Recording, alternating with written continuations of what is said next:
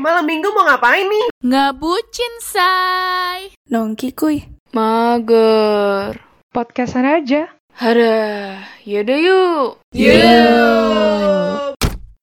Halo Sobat Temen Dua, balik lagi bareng kita nih Mager Malming bersama gue Cia dan teman-teman gue. Halo. Halo, ada Alia, ada Manda, ada Jovita dan juga ada Bianca. Jadi gue dan teman-teman ini kali ini kita bakal bahas sesuatu yang lagi main topik banget nih di segala media sosial. Kita bakal ngebahas sesuatu yang berhubungan sama kekerasan dalam suatu hubungan. Jadi sebenarnya kekerasan dalam hubungan itu apa sih? Aku jelasin dulu ya kekerasan dalam hubungan itu apa. Ini aku ambil dari sebuah jurnal yang berjudul Kekerasan dalam Hubungan Pacaran di Kalangan Mahasiswa, Studi Refleksi Pengalaman Perempuan oleh Intan Permatasari. Nah, jadi relationship atau hubungan kan didasari dengan cinta dan kasih sayang nih. Betul. Gak jarang muncul pendapat kalau dalam hubungan, mau itu pas pacaran atau udah berkeluarga, nggak akan terjadi kekerasan. Kekerasan dalam pacaran adalah suatu perilaku yang disengaja dengan menggunakan strategi kejahatan melalui paksaan untuk mendapatkan atau mempertahankan kontrol, kekuatan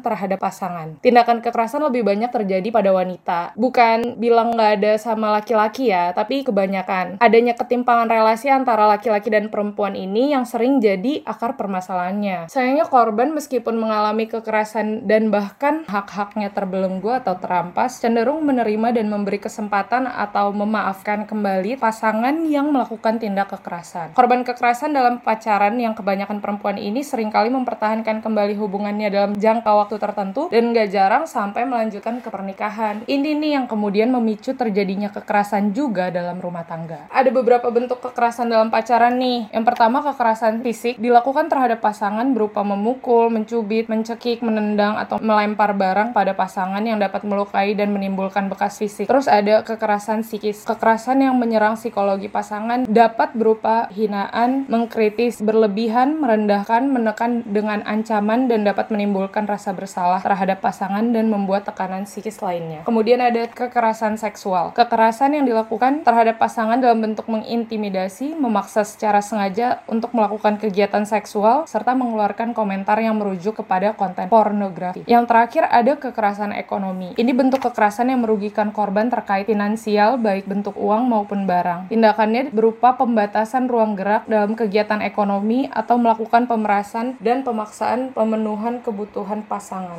Jadi sebenarnya walaupun misalkan statusnya masih pacaran, sebenarnya bisa terjadi kekerasan ya. Iya bener. Eh, ini kan mengenai kekerasan ya. Nah terus gue pernah denger nih sekarang, nggak sekarang sih emang udah berapa tahun ini tuh eh, ada rancangan undang-undang penghapusan kekerasan seksual. Ini nih kan agak berhubungan ya. Berarti ini undang-undang ini yang bakal melindungi kita dari kekerasan itu. Tapi sebelum kita masuk ke situ, kayak kita harus pengenalan dulu lah ya istilah-istilah yang bakal berhubungan sama rancangan undang-undang penghapusan kekerasan seksual ini. Jadi mungkin teman-teman udah dengar dari media gitu. Ada beberapa istilah-istilah nih yang berhubungan sama RUU PKS sebelum kita benar-benar masuk ke dalam RUU PKS. Jadi biar mindsetnya biar sama-sama gitu ya. Gue ada ngasih bakal ngasih sekitar 6 istilah yang semoga kalian nanti nggak pusing ya. Karena ini yang gue amati dari media-media di Indonesia khususnya itu ada beberapa yang jadinya salah persepsi misalnya komentar-komentar para tokoh politik, tokoh agama yang salah kaprah jadinya masyarakat yang ngedengerin juga karena mereka tokoh-tokoh jadi kayak Langsung percaya aja. Langsung ditelan bulat-bulat ya. Padahal seharusnya harus di cross check dulu ya. Iya, dari yang pertama itu ada feminisme. Kalau dari artikel yang aku ambil dari IDN Times tahun 2019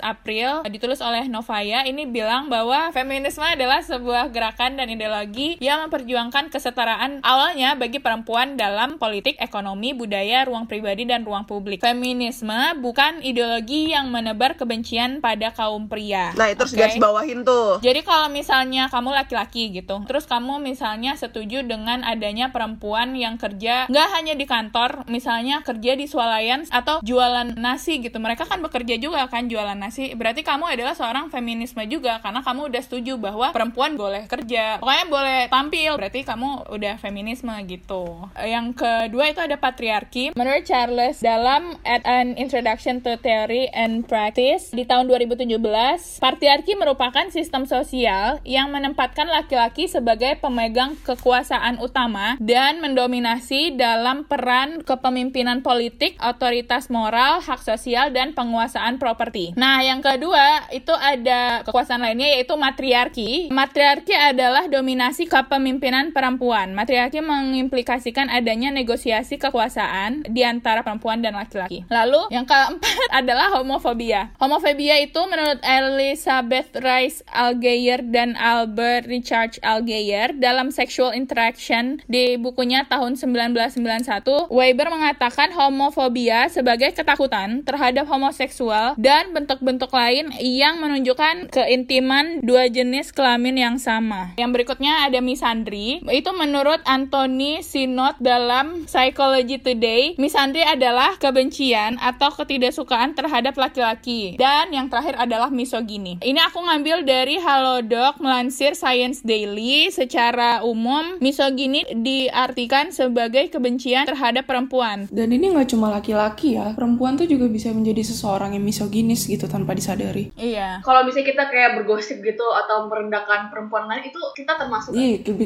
Julid ya, julid ya. Sebenarnya tergantung lagi Jo. Misalnya gini, kenapa sih dia pakai make upnya kayak gini? Kenapa dia kenapa sih dia bajunya seperti ini bla bla bla bla bla. Julid yang pure ngatain semata-mata karena dia itu wanita gitu. Nah berarti makasih Al ya ini infonya. Jadi buat teman-teman sobat plus 62 kalau misalnya mau kayak ngulik lagi lebih dalam tentang istilah ini bisa lebih cross check lagi mungkin ya.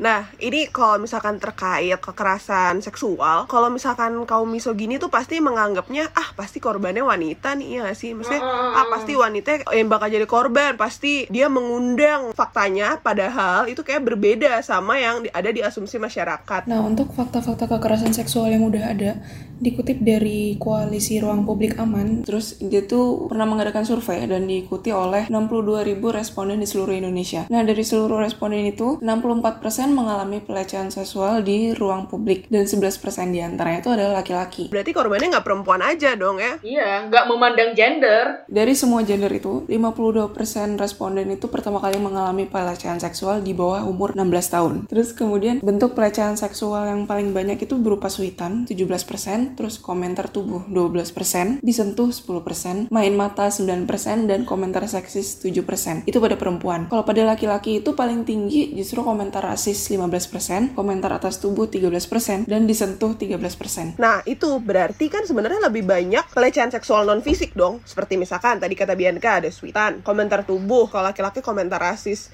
Berarti sebenarnya yang menurut kalian bercanda itu sebenarnya itu adalah jatuhnya pelecehan seksual. Nah, terus kemudian lokasi pelecehan seksual yang paling tinggi itu kalau di perempuan itu ada di jalanan umum 34%, di transportasi umum 19%, di pemukiman 12%, sekolah 8%, dan pasar 6%. Kemudian banyak yang berasumsi nih, eh kalau yang dilecehin gitu tuh orang-orang yang suka keluar malam tuh. Iya, keluar iya, yang pulangnya subuh. Gitu. Coba keluarnya siang-siang, pasti nggak digituin. Ini dijawab lagi nih oleh Hersil Survey, karena waktu terjadinya yang paling tinggi itu justru di siang hari, dan itu angkanya di, di 35%. Terus sore hari 25%, malam hari 21%, pagi hari 16%, dan justru dini hari itu 3%. Dan satu lagi stigma, orang-orang yang dilecehin itu pasti bajunya mengundang. Nah, bajunya seksi. Coba kalian pakai baju yang tertutup, pasti nggak digituin. Ini dijawab lagi oleh surveinya. Data surveinya mengatakan bahwa baju responden perempuan saat mengalami pelecehan itu yang paling tinggi itu pakai rok atau celana panjang sebesar 17%, kemudian baju lengan panjang 16%, dan seragam sekolah 14%. Nggak ada ini tulisan di sini baju minim, itu nggak ada. Berarti sebenarnya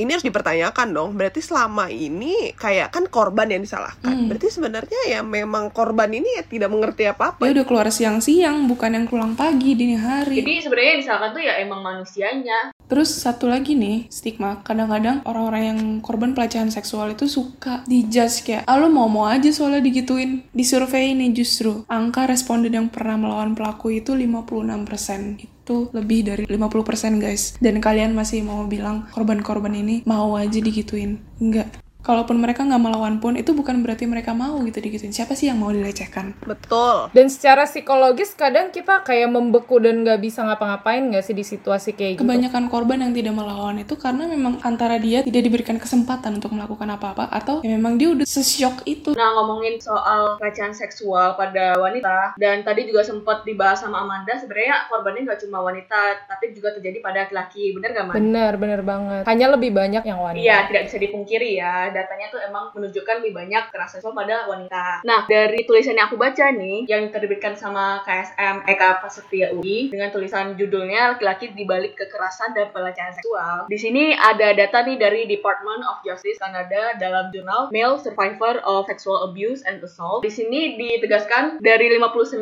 partisipan, terdapat 57 partisipan yang mengalami pelecehan seksual ketika masih dalam usia anak-anak. Data yang lebih mengejutkan lagi, 53 dari 57 partisipan itu juga mengalami pelecehan seksual itu dalam lingkup yang dekat. Jadi kayak dari orang-orang yang mereka kenal, seperti anggota keluarga. Hasil ini juga senada dengan laporan dari Komisi Perlindungan Anak Indonesia yang menyatakan bahwa korban kekerasan seksual di tahun 2018 lebih banyak dialami oleh anak laki-laki. Pada 2018 ini KPAI mencatat terdapat 122 anak laki-laki serta 32 anak perempuan yang menjadi korban kekerasan seksual di mana semua pelakunya adalah laki-laki. Di sini tuh ada data yang menunjukkan bahwa si laki-laki ini banyak yang mengalami kekerasan seksual tapi nggak banyak yang speak up. Nah kalian ada nggak pandangan kenapa hal itu bisa terjadi gitu? Mungkin kalau mereka speak up bisa melukai maskulinitas mereka kali ya, Jo. iya ini erat banget kaitannya sama toxic masculinity sih Iya benar. Itu salah juga loh orang-orang yang sering mengajarkan anak laki-laki untuk nggak boleh nangis kan sebenarnya laki-laki sama perempuan sama-sama boleh nangis itu kayaknya yang membangun pikiran seperti ini rasa gengsi dan takut itu itu yang miris banget sih karena justru toxic masculinity itu ditanamkan sejak dini, Dini. dari keluarga bener bener banget karena kebanyakan yang ngomong itu ya orang tua mengajarkan pada anak kan. Iya benar. Sebenarnya pandangan kita juga dibenarkan di tulisan ini karena di sini dituliskan beberapa kriteria yang ideal di masyarakat itu kan laki-laki harus maskulin seperti yang tadi kita udah diskusiin kan. Harus bisa menjaga dirinya sendiri lah dari hal-hal yang tidak diinginkan gitu kan. Nah dari situ muncullah stigma-stigma bahwasanya laki-laki itu sebenarnya harus bisa mencegah atau menghentikan dirinya sebagai korban pelecehan. Kalau misalnya ketahuan si laki-laki ini udah nggak bisa defend dirinya sendiri, maka tudingan-tudingan yang akhirnya memojokkan kaum laki-laki itu banyak dilontarkan kan kayak Nah, misalnya, iya, "Ih, iya, iya, kenapa sih betul-betul. kamu nggak bisa menghajar atau menghentikan orang yang melecehkanmu gitu-gitu kan Istilahnya tetap ya Jo berarti menyalahkan korban. Iya, jadi jatuhnya si maskulin ini dipertanyakan gitu. Dan juga selama ini stigma masyarakat berputar juga anggapannya ketertarikan seksual itu selalu dimulai dari laki-laki nggak sih? Jadi kayak wanita tuh nggak ada ketertarikan seksual gitu. Padahal sebenarnya itu salah.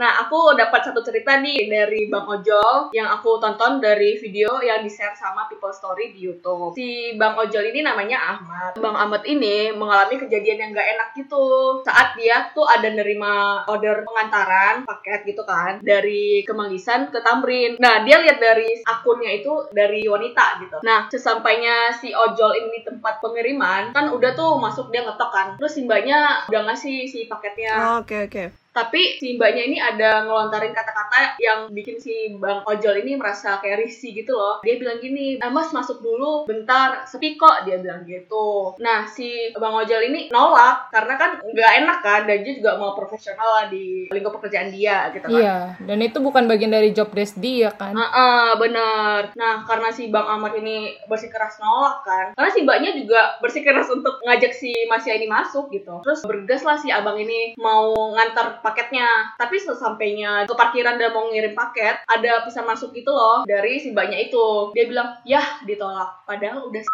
gitu dibilang. Oh my god. Pun parah mbak Bisa bayangin gak sih perasaan si abangnya? orang lagi kerja lagi cari duit digituin Jadi sebenarnya nggak cowok doang ya, cewek juga bisa berarti untuk melakukan pelecehan seksual ya. dan ini hanya salah satu contoh dari cerita yang diungkap gitu bayangkan ada berapa banyak cerita-cerita seperti ini yang nggak diungkap Berarti memang sebenarnya siapa pun bisa jadi korban, siapa pun bisa jadi pelaku. Dia nggak memandang gender, nggak memandang umur. Korban ini harusnya malah kita lindungi, bukan kita judge. Dan sebenarnya harusnya ini dari pemerintah juga merasa kita harus melindungi dari Bener segi banget. hukum. Iya. Salah satunya RUU PKS. Sebelum adanya hukum, mindset masyarakat untuk tidak mempunyai first thought untuk nyalahin korban itu juga penting banget karena apalah gunanya ada hukum kalau mindset masyarakatnya sendiri tidak mau berubah dari awal gitu. Yes. Nah, jadi semoga nih ya bagi kalian yang menganggap itu semua masih bercandaan, coba kalian dengar fakta-fakta dan opini-opini kita ini yang bakal kita ungkap di podcast ini biar kita juga bisa saling membantu untuk menyebarkan informasi dan juga belajar.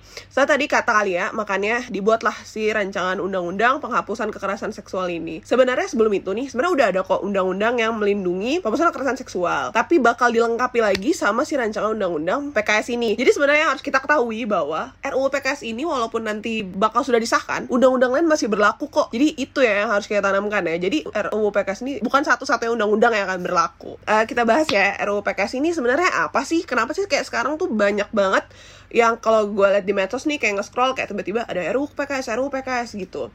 Nah, jadi sebenarnya RUU PKS ini adalah rancangan undang-undang yang membahas mengenai eh, kekerasan seksual. Nah, kekerasan seksual tuh apa sih? Sebenarnya ada di RUU ini. Jadi di pasal 1 ayat 1 disebutkan bahwa kekerasan seksual itu adalah setiap perbuatan merendahkan, menghina, menyerang dan atau perbuatan lainnya terhadap tubuh, hasrat seksual seseorang dan atau fungsi reproduksi secara paksa bertentangan dengan kehendak seseorang yang menyebabkan seseorang itu tidak mampu memberikan persetujuan dalam keadaan bebas karena ketimpangan relasi kuasa atau relasi gender yang berakibat penderitaan atau kesengsaraan secara fisik, psikis, seksual, kerugian secara ekonomi, sosial, budaya, dan atau politik. Jadi itu ya definisi kekerasan seksual. Terus kekerasan seksual yang dimaksud tuh apa aja sih? Itu terdiri atas sembilan. Yang pertama ada pelecehan seksual, kedua ada eksploitasi seksual, yang ketiga ada pemaksaan kontrasepsi, keempat ada pemaksaan aborsi, yang kelima ada perkosaan, keenam ada pemaksaan perkawinan, ketujuh ada pemaksaan pelacuran, kedelapan ada perbudakan seksual, dan yang terakhir ada penyiksaan seksual. Nah, gue mau ingetin lagi ya, ini tuh pemaksaan kekerasan seksual. Jadi bukan berarti kalau misalkan yang nggak diatur di undang-undang ini bisa aja diatur di undang-undang lain gitu. Jadi sebenarnya kita sebagai masyarakat harusnya juga ada keingintahuan sih kayak mencari tahu nih sebenarnya undang-undang ini tuh apa sih. Lalu lanjut lagi nih ya, pelecehan seksual yang dimaksud itu ada bentuk tindakan fisik atau non fisik. Sebenarnya sekarang yang kulihat itu pemerkosaan itu kan udah diatur. Nah di sini ditambahkan ada kata non fisik. Contohnya itu antara lain ada sentuhan, colekan, serangan atau cara-cara lainnya mengenai alat kelamin atau anggota tubuh yang berhubungan dengan seksual dan seksualitas seseorang. Jadi sebenarnya menurut gue tambahan hukum ini berarti mengcover segala pelecehan seksual. Bianca udah ngomong kan kalau kebanyakan fakta kekerasan seksual itu non fisik, berarti sebenarnya bakal ada nih hukum yang melindungi korban-korban itu. Nah, lalu di sini di uh, rancangan undang-undang PKS ini juga membahas mengenai hak korban. Hak korban itu di pasal 22 ya disebutkan hak korban itu ada tiga, ada penanganan, perlindungan dan pemulihan. Kalau misalkan kalian yang pingin tahu, kalian bisa juga download si RUU PKS ini ada kok di coba google ya ada draftnya, coba dicari aja. Nah itu tuh lengkapnya. Yes. Itu menurut gue hak-haknya juga emang sangat melindungi sih. Ada memberikan kayak konseling gitu untuk menangani dari psikologi dan lain-lain. Lalu habis itu di sini perbedaannya adalah dalam pelaporan. Dalam pelaporan ini ada surat keterangan psikolog, rekam medis, rekaman pemeriksaan, informasi yang diucapkan, dikirimkan atau diterima. Kayak misalkan kalau non fisik biasanya bisa lewat aplikasi gitu tuh bisa jadikan barang bukti. Lewat telepon. Yes, bisa telepon itu bisa jadikan barang bukti, dokumen hasil pemeriksaan rekening bank. Jadi nggak cuman stuck di hasil Yeah. visum. Jadi bisa lewat bukti-bukti lain. gitu. Bener-bener memayungi lah ya. Gue melihat sekarang itu banyak berita yang mengenai pelecehan seksual non fisik. Salah satunya itu ada fakta kasus pelecehan lewat CCTV di Starbucks. Kalian pernah dengar gak sih? Aku belum pernah Hmm, dengar. belum sih. pernah dengar sih. Um, gue baca di berita online gitu. Ini gue dapat dari kompas.com. Jadi tuh sebenarnya itu ada video tersebar melalui Instagram dan Twitter. Nah, dia tuh memperlihatkan dua orang pegawai Starbucks di daerah Tanjung Priok, Jakarta Utara. Dia tuh mengintip payudara pelanggan wanita melalui sorotan CCTV. Oh my god. Jadi ada dua cowok, yang satu itu dia ngezoom CCTV-nya itu dari Starbucks, yang satu lagi merekam. Tapi mereka tuh dengan ketawa-tawa, jadi menganggap itu sebuah bercandaan. Bahkan lagi menganggap itu sebuah bercandaan, itu dia mengupload di media sosial. Mungkin mereka nggak mengira itu akan viral, tapi menurut gue dengan melakukan seperti itu sebenarnya mau diupload apa enggak, itu menurut gue udah pelecehan seksual non Iya, fisik bener. jatuhnya ya. Iya. Dan itu udah merugikan orang lain Iya, gitu itu udah merugikan orang lain. Gue sangat mengapresiasi sih dari si senior general manager corporate PR dari si PT Sari Coffee ini. Dia membenarkan adanya aksi itu dan dia langsung investigasi dan kedua pegawai itu telah dipecat. Jadi ditindaklanjuti lah sama si perusahaannya ini kan. Dari sisi hukumnya nih si Kabit Humas Polda Metro Jaya Komisaris Besar Yusri Yunus mengatakan pihaknya sudah menangkap dua orang yang melakukan pelecehan non verbal itu. Nah tapi gue belum tahu nih selanjutnya undang-undang apa yang dikenain sama si pelaku ini dan tindak lanjutnya kayak apa cuman sebenarnya menurut gue kalau misalkan RUU PKS ini cepat untuk disahkan dan ditindaklanjuti harusnya dua orang ini dia termasuk pelecehan seksual non fisik dan maksud gue gini loh jangan sampai sesuatu perilaku pelecehan seksual itu harus viral dulu baru bisa ditindaklanjuti Banyak gak sih kejadian yang kayak gitu viral dulu Baru baru, kita ditangani. tindak lanjuti? iya Pelakunya nggak ditindaklanjuti tuh nggak akan jerah nggak sih? Iya, Nah itu maksudku kalau misalkan si korban udah merasa kalau dia ada undang-undangnya kan dia bisa langsung memberikan alat bukti dan lain lalu ditindaklanjuti untuk berikutnya dan itu yang benar kata Amanda dia bisa memberikan jerah pada pelaku jadi nggak akan melakukan hal itu lagi Nah, iya Ci, salah satu alasan kenapa RUU PKS harus disahkan juga yaitu termasuk di dalamnya adalah mengenai marital rape di mana sebelumnya salah satu tokoh mengatakan tidak ada namanya pemerkosaan dalam pernikahan. Nah, mungkin Jovita bisa menjelaskan dulu apa itu pengertian dari marital rape dan bagaimana kasus-kasus yang sudah berlangsung selama ini. Nah, di sini aku bakal jelasin pengertian dari marital rape yang aku baca dari salah satu artikel dengan judul marital rape sebagai tindak pidana dalam RUU penghapusan kekerasan seksual yang ditulis oleh Rizky Yanti Junifer Siburian. Di sini dijelaskan tentang pengertian marital rape jika diterjemahkan dalam Oxford Dictionary itu sebagai rape committed by the person to whom the victim is married, yaitu perkosaan yang dilakukan oleh seseorang pada korban yang sudah dinikahinya. Nah, selain itu, si marital rape ini juga awalnya tidak dikenal dalam tindak pidana di Indonesia, mengingat pasal 285 KUHP memiliki unsur di luar perkawinan. Namun, istilah ini berkembang dengan munculnya rancangan undang-undang penghapusan kekerasan seksual yang secara eksplisit mengkategorikan perkosaan dalam ranah perkawinan sebagai tindak pidana yang kemudian menimbulkan pro dan kontra. Di website asumsi.co ada dituliskan bahwa pada 2018 lalu Komnas Perempuan lewat catatan tahunan kekerasan terhadap perempuan 2019 dicatat bahwa terdapat 195 rapor kasus pemerkosaan dalam pernikahan yang terkumpul sejak 2018. banyak ya Iya, meningkat juga dari tahun sebelumnya yang berjumlah 122 kasus. Laporan yang pertama banyak ini menjadi pertanyaan bagus dong ya, karena keberanian melaporkan kasus perkosaan dalam perkawinan yang menunjukkan kesadaran korban. Nah, tapi jumlah laporan itu pun masih dibilang sedikit soalnya dalam studi Rape and Sexual Assault Reporting to Police and Medical Attention menemukan bahwa 77% perempuan yang pernah diperkosa oleh suami atau kasihnya tidak melaporkan kasusnya ke polisi. Menurut Siti Aminah tadi, Komisioner Komnas Perempuan, dia mengatakan bahwa hal ini terjadi karena sistem patriarki dan stereotip yang melekat pada gender. Laki-laki itu kan distereotipkan sebagai kuat, agresif, dan aktif kan. Sedangkan perempuan itu kan harus menurut dan pasif gitu. Jadi karena stereotip ini dan nilai-nilai itu ditanamkan, maka pemahaman tentang kesehatan reproduksi dan hak seksual juga minim. Juga Jo, kan tadi kamu bilang ada 195 kasus untuk tahun 2018 yang menurut Komnas Perempuan juga mencatat bahwa hanya 4 kasus perkosaan dalam pernikahan yang ditangani pengadilan negara pada tahun 2018 lalu. Jadi dari sebanyak itu yang ditangani hanya 4 kasus. Terus abis itu ada juga mengenai pemaksaan perkawinan. Nah kalau misalkan lihat berita nggak sih kayak ada yang dipaksa nikah. Nah itu di sini tuh ada dijerat tindak pidananya. Menurutku ruang lingkupnya tuh udah sangat luas loh. Hukum ini tuh udah sangat melindungi dan juga nih ya. Dan menurut gue ini adalah suatu yang bagus dari sini adalah pidana. Itu ada di pasal 87 ayat 1. Pidana pokok bagi pelaku tindak pidana kekerasan seksual terdiri atas pidana penjara dan rehabilitasi khusus. Maksudnya bagusnya dalam hal oke lo dihukum. Tapi juga direhab gitu. Yes, lo direhab. Jadi si pelaku ini diharapkan Nggak akan terulang lagi. Iya, karena dia udah diobati juga secara psikologinya kan harapannya seperti itu dan ini sudah di cover Iya. seperti itu. Jadi ya butuhlah undang-undang yang melindungi kita semua dari tindakan kekerasan seksual itu. Nah, tapi kan buktinya sampai sekarang aja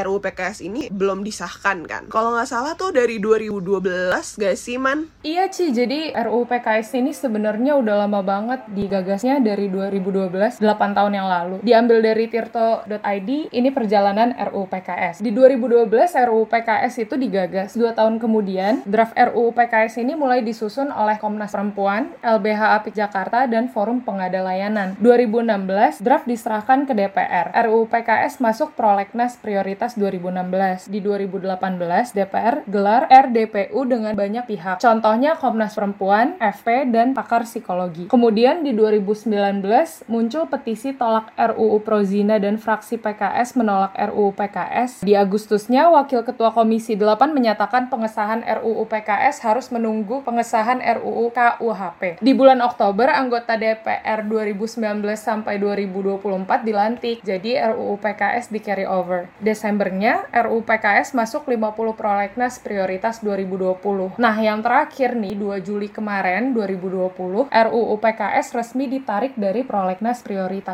Dan ini perjalanannya sangat berliku-liku. Padahal penting banget gak sih RUU ini dari yang tadi kita bahas? Iya, masa 8 tahun ini tidak berujung sesuatu yang baik sampai sekarang. Padahal faktanya banyak korban di luar sana yang sudah membutuhkan untuk dilindungi oleh hukum ini gitu. Gue nggak tahu nih kenapa, tapi karena gue dan teman-teman maming ini kan kita sudah mempelajari, kita berusaha untuk mengerti dan mencari tahu nih sebenarnya RUU PKS ini kenapa sih masih banyak yang kontra sama RUU PKS ini. Gue juga pernah dengar nih asumsi orang-orang di luar sana kayak ih RUU PKS ini kan pro zina, RUU PKS ini kan nanti melegalkan inilah, melegalkan itu Pro. LGBT. Nah, pro LGBT lah. Padahal menurut gue rancangan undang-undang ini sudah dikaji oleh orang-orang yang sudah mengerti di lapangan seperti apa dan mereka harus apa untuk melindungi ini semua, ya nggak sih? Nah, jadi sebenarnya asumsi di masyarakat tuh ada apa aja sih? Sebelum gue bahas nih tentang asumsi masyarakat, Yes. ada banyak banget tanggapan maupun kritik tentang interpretasi dari RUU PKS. Banyak yang menafsirkan sesuai dengan sudut pandangnya masing-masing, yang hal itu tentu sah-sah aja. Namun, di antara kabut-kabut komentar yang semakin pekat dan riuh, seseorang bisa mudah sekali untuk terhalang pandangannya. Ibaratnya orang yang emang benar-benar nggak tahu, tapi dengar katanya-katanya, jadi sulit mendengar apa yang sebenarnya dimaksudkan oleh sumber utama yang sedang diperbincangkan. Betul, betul. Sebelum kita memutuskan untuk hendak berada dalam garis mana antara hitam putih maupun pro dan kontra terhadap RUU PKS, akan lebih bijak kalau kita menelusuri sumber pertama yang menyebabkan keriuhan ini, yakni draft resmi RUU PKS yang bisa didownload secara bebas. Tinggal Google RUU PKS terbaru. Betul, bisa searching. Jadi asumsi masyarakat ada apa aja sih? Yang pertama tadi udah dibahas tentang LGBT, yang kedua tentang pro zina dan juga pro prostitusi. Ada yang berpendapat bahwa peraturan aborsi dalam RUU PKS cenderung melegalkan praktik aborsi karena yang dijerat hanyalah masalah pemaksaannya. Jadi kalau nggak dipaksa berarti boleh dong gue aborsi. Dan kalau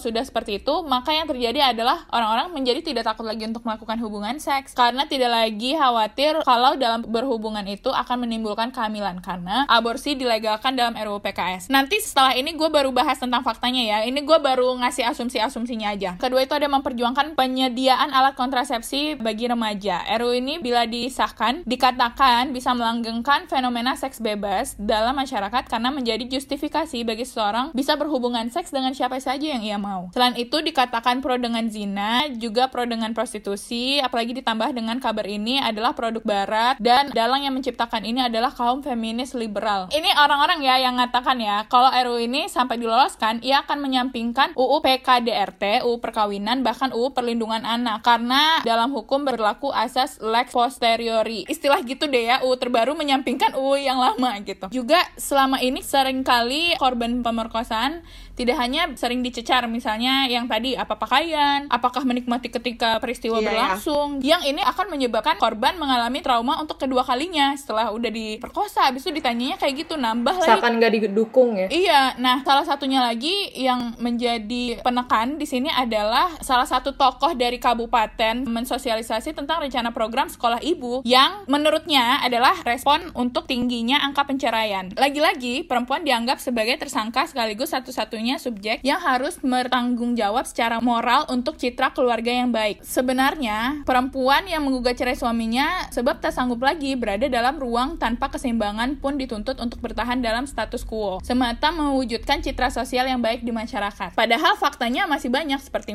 mungkin KDRT dan lain sebagainya. Oke, sekarang aku jawab dengan fakta-faktanya ya. Faktanya, yang pertama mengenai LGBT. Kalau kita lihat di draft asli RUU PKS, tidak disebutkan sama sekali sekali mengenai hukuman bagi orang yang memaksa orang lain berpakaian dengan keinginannya dan juga tidak ada pembahasan tentang LGBT. Dalam RUU tersebut juga tidak menyebutkan bahwa RUU itu hanya bagi orang dengan ketertarikan seksual tertentu, yang mana menunjukkan bahwa RUU ini memang tidak pandang bulu mengenai apa ketertarikan seksual korban kekerasan tersebut sebelum memutuskan mau diberi pertolongan atau tidak. Semua orang bisa terlindungi dengan adanya RUU ini. Itu yang pertama. Berarti LGBT nggak ada yang dibahas ya guys di draft ini. Lanjut ke pro zina tadi. Lanjut. Oke, karena ada kata pemaksaan. Berarti kalau gua nggak dipaksa nggak apa-apa dong gitu kan. Ternyata sebenarnya kan sifatnya si RUU PKS ini adalah lex specialis. Jadi ini melengkapi peraturan-peraturan sebelumnya.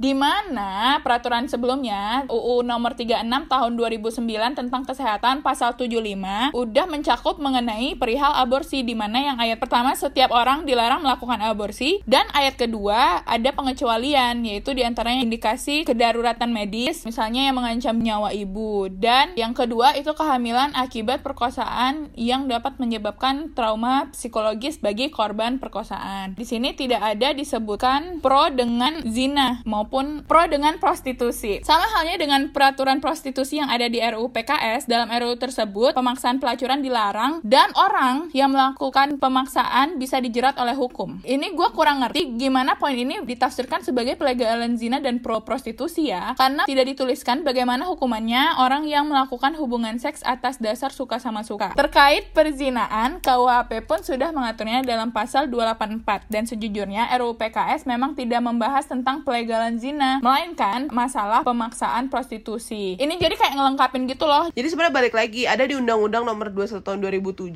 tentang pemberantasan tindak pidana perdagangan orang. Jadi emang sebenarnya udah ada undang-undang yang kalau emang dilarang. Tapi di RUU PKS-nya kan tidak ada ngebahas tentang itu Iya, kan. dia tuh cuma ada pemaksaan. Iya. Nah, karena sebelumnya udah ada. Balik lagi kita harus paham sama undang-undang yang ada. Intinya adalah mereka mempertanyaan kalau nggak dipaksakan berarti boleh dong. Gitu nggak sih Al sebenarnya? Iya, padahal sebenarnya udah ada di UU sebelumnya. Iya, jadi sebenarnya belum beropini kita harus research dulu sih. Berarti asumsi yang beredar ini salah ya. Iya, yang tadi sebelumnya. Jadi harus dicek-cek lagi ya guys di RUU PKS-nya. Karena asumsi ya. Nah, tapi kalau misalkan pendapat kontradiktifnya gimana nih, Bi? Oke, kalau itu kan tadi dari stigma-stigma masyarakat ya, dan dari asumsi itu leading to pendapat kontra dari masyarakatnya juga. Nah, kalau sekarang kita bahas dari DPR-nya sendiri. Tadi kan udah disebutin juga sama Amanda perjalanan RUU PKS ini udah dari 2012. Dan bayangin itu 8 tahun yang lalu dari pertama kali ini diusulkan oleh Komnas Perempuan sampai sekarang itu penuh dengan janji-janji palsu ya dari DPR kayak tahun ini bakal disahkan, Yes. terus tahun depan pasti bakal disahkan, terus tahun depannya lagi pasti bakal disahkan sampai akhirnya yang tadinya katanya di tahun ini mau dibahas tapi akhirnya di carry over lagi jadi prolegnas prioritas 2021 kalau nggak salah itu bakal disahkan di Oktober tahun ini Janjinya seperti itu, Bi. Iya, janjinya seperti itu. Kilas balik sedikit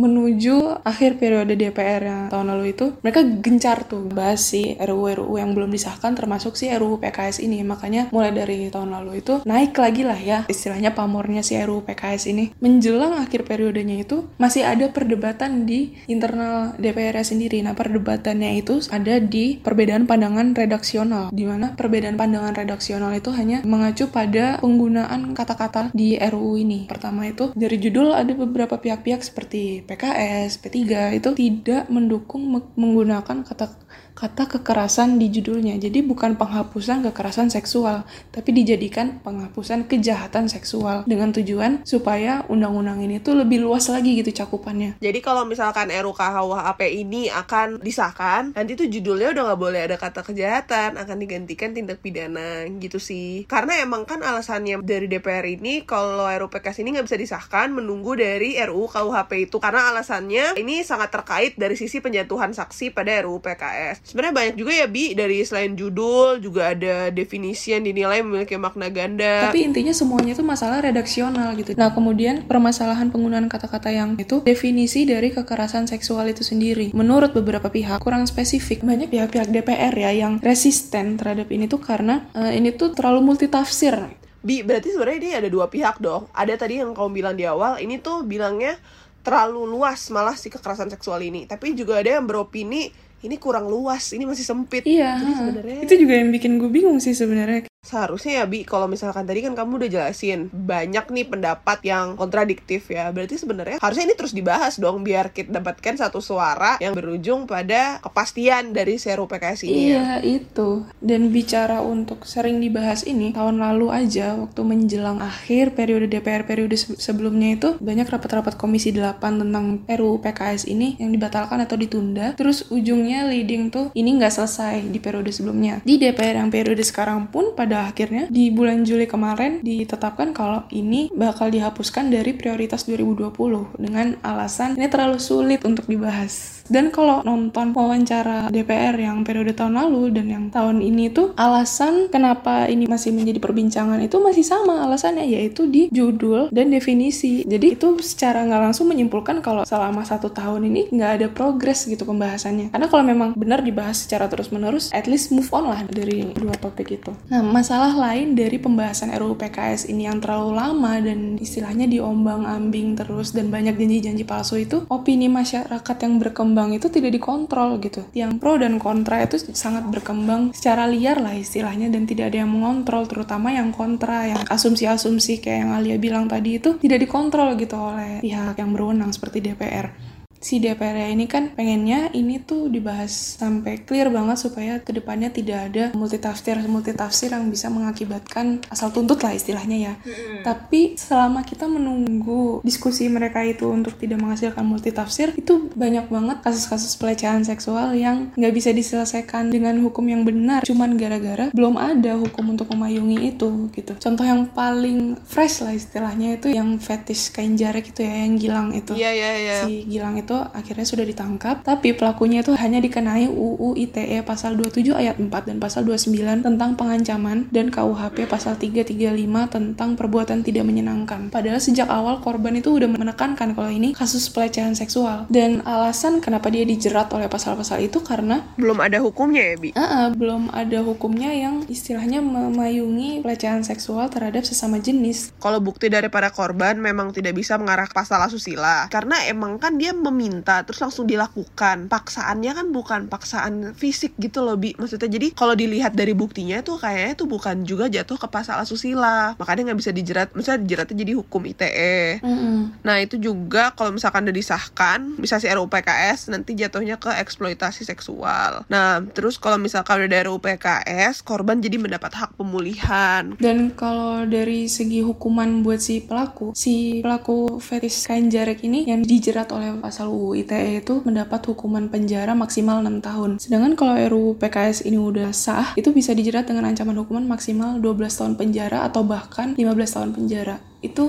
jaraknya sangat jauh ya itu dua kali lipat lebih harus berapa kasus lagi yang terjadi dan nggak bisa dihukum dengan undang-undang yang tepat gitu kasus pelecehan seksual yang dijerat dengan UU ITE ini si Gilang ini bukan pertama kali gitu Oh jadi emang sebelumnya udah ada ya? Sebelumnya itu ada Barik Nuril yang mendapatkan pelecehan seksual melalui telepon dan dia melaporkan. Itu justru dia yang dijadikan tersangka dijerat oleh UU ITE. Selain Barik Nuril juga banyak kasus-kasus pelecehan seksual yang tidak bisa diselesaikan dengan undang-undang yang tepat hanya semata-mata karena undang-undangnya tidak ada gitu. Jadi emang harapannya sih pelaku ini bisa ditindak tegas sesuai yang seharusnya. Sebenarnya kita kan cuma berharap semoga ini menemukan jalan keluarnya. Jadi kalau menurut dari maming-maming ini nih, gimana sih harapan dan pendapat kalian mengenai RUU PKS ini? Ya berharapnya cepat disahkan sih karena emang bisa kita lihat penting banget untuk melindungi para korban dan calon korban kalau nggak disahkan juga gitu. Iya, karena mencegah juga kan, Mar. Betul, betul. Dan itu juga ini nggak sih